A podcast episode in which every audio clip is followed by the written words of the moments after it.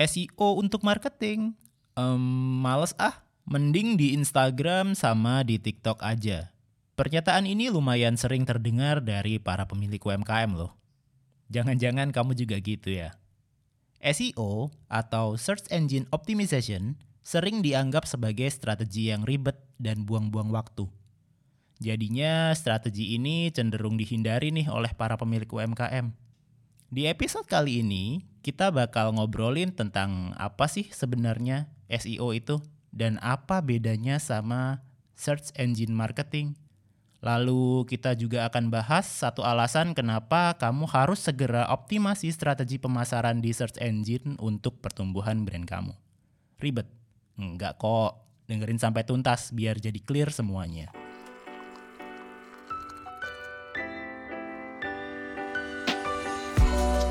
Hai, selamat datang di Brondang Branding. Tempat kamu bisa dengerin topik seputar bisnis, marketing, kreatif, dan segala hal di antara ketiganya. Bareng saya Lintang Noviantara, setiap hari Senin, di sini kamu bisa dengerin insight yang mungkin bermanfaat untuk pertumbuhan brand yang sedang kamu bangun. Bro, dan branding. Karena kalau terlambat, pertumbuhan brandmu bisa terhambat.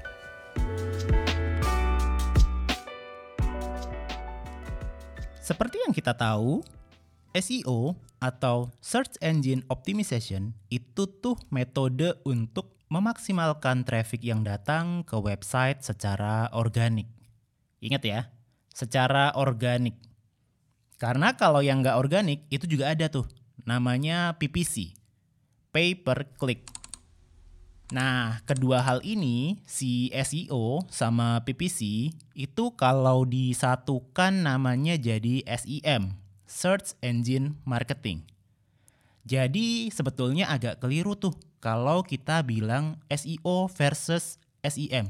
Karena SEO itu sendiri, itu tuh sebetulnya bagian dari SEM teman-teman. Biar lebih mudah untuk dipahami, SEM itu bisa kita anggap sejajar sama yang namanya SMM, Social Media Marketing. Ya cuma beda platform aja. Gini nih perbandingannya nih. Ketika kita menjalankan SEO, berarti kita berusaha ngerapihin platform yang kita punya dan bikin konten untuk diupload ke website yang kita rapihin tadi nih, platform yang kita rapihin. Kan biasanya tuh ya, kalau sesuatu yang baru dibuat, baik itu website atau profile media sosial, pasti kan bakal sepi pengunjung kan ya. Di sinilah ada fungsi yang namanya pay per click tadi. Kalau dibandingin rasanya tuh kayak kalau di platform media sosial kita tuh lagi ngelakukan yang namanya boost post. Jadi kita bayar tuh buat dapetin traffic. Nah jadi serangkaian itu tadi kita optimasi websitenya kita plus jalanin yang namanya pay per click itu dinamakan sama sosial media marketing. Kita namainnya sosial eh sorry, kita namainnya search engine marketing. Kalau perbandingannya kayak kalau di sosial media marketing itu jadi dia kita bikin profile baru, kita upload konten, kita boost kontennya. Nah, itu sosial media marketing. Kalau di SEM, search engine marketing, itu SEO-nya dirapihin plus kita jalanin pay per click. Itu SEM. Terus juga kalau dibandingin ya antara SEM sama SMM, tujuannya tuh juga mirip-mirip tuh. Kayak misalnya nih, Kan kalau tadi kan kita udah sepakat ya kalau SEO itu bagian dari SEM kan ya. Ketika kita menjalankan SEO, itu kan tujuannya supaya websitenya kita secara organik muncul di halaman pertama search engine ya.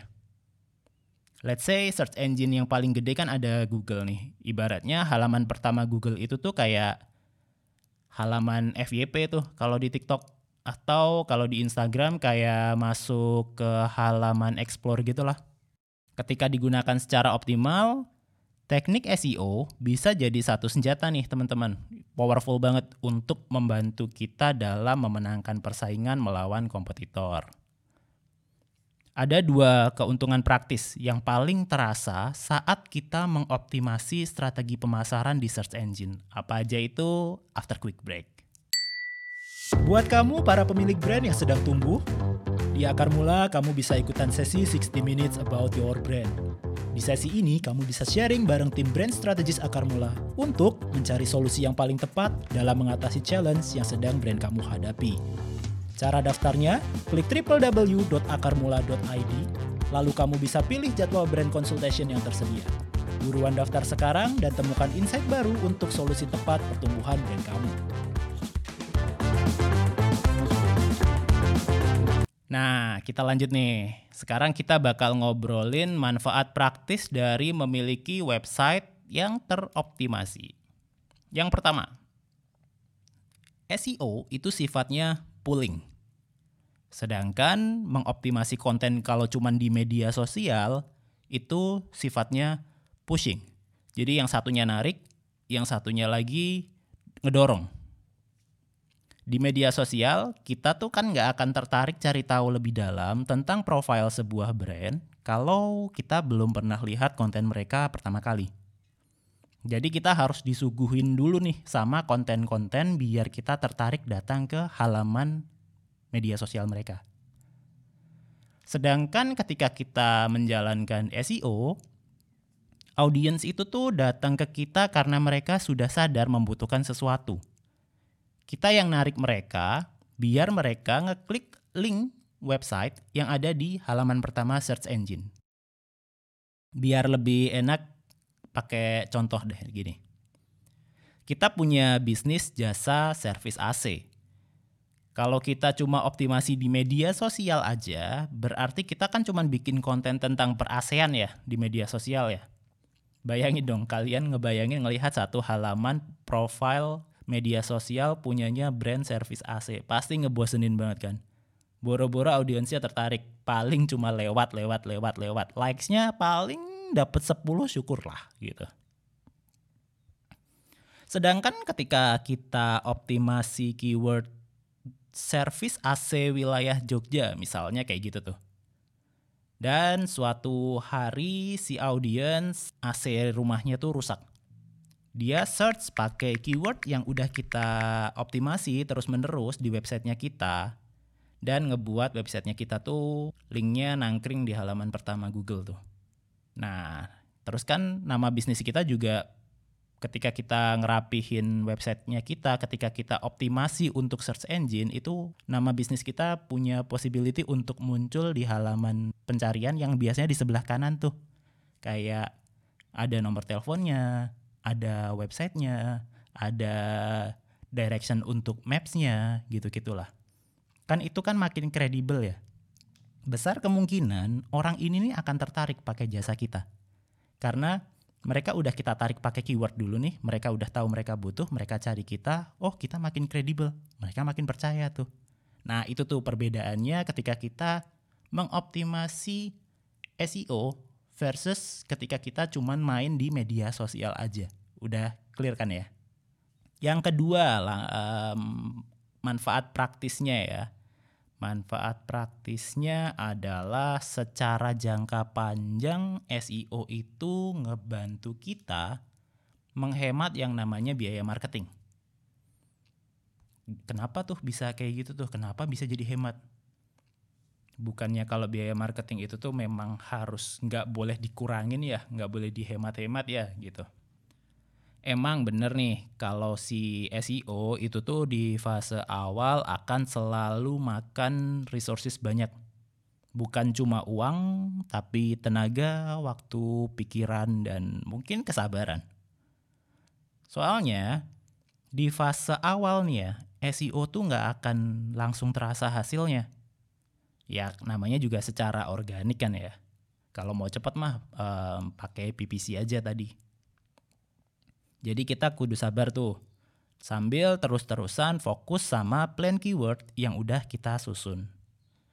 Baru nanti setelah membuahkan hasil, kamu kan akan semakin mudah untuk mendatangkan traffic yang berkualitas kan ya. Mereka datang ke website kita, sudah terfilter karena melewati keyword-keyword yang udah kita pilih tadi. Jadi yang masuk ke website tuh orang-orang yang memang udah tahu mereka tuh butuh apa dan kita menyediakan apa yang mereka butuhkan, kita punya solusinya. Kans untuk konversi jadi lebih tinggi.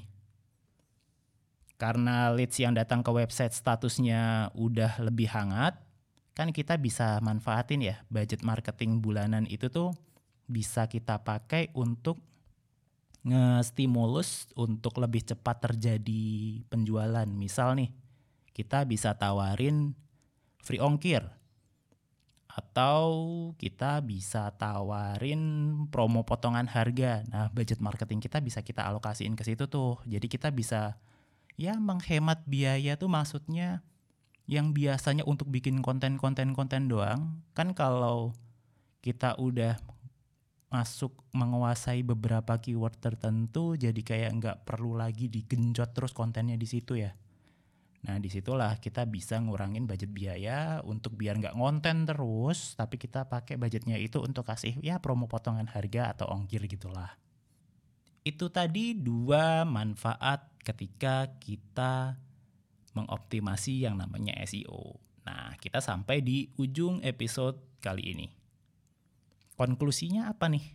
Biasanya banyak pemilik UMKM suka menunda-nunda untuk membangun sebuah website dan menjalankan SEO secara tepat. Mereka lebih suka membangun impresi di media sosial aja.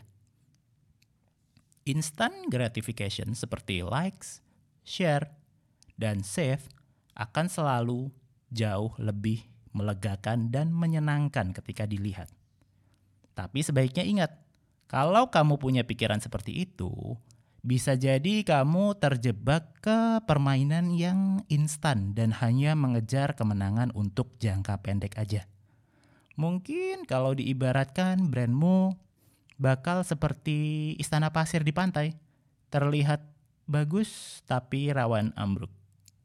Saatnya segera mempertimbangkan untuk membangun istana yang sungguhan. Udah siap?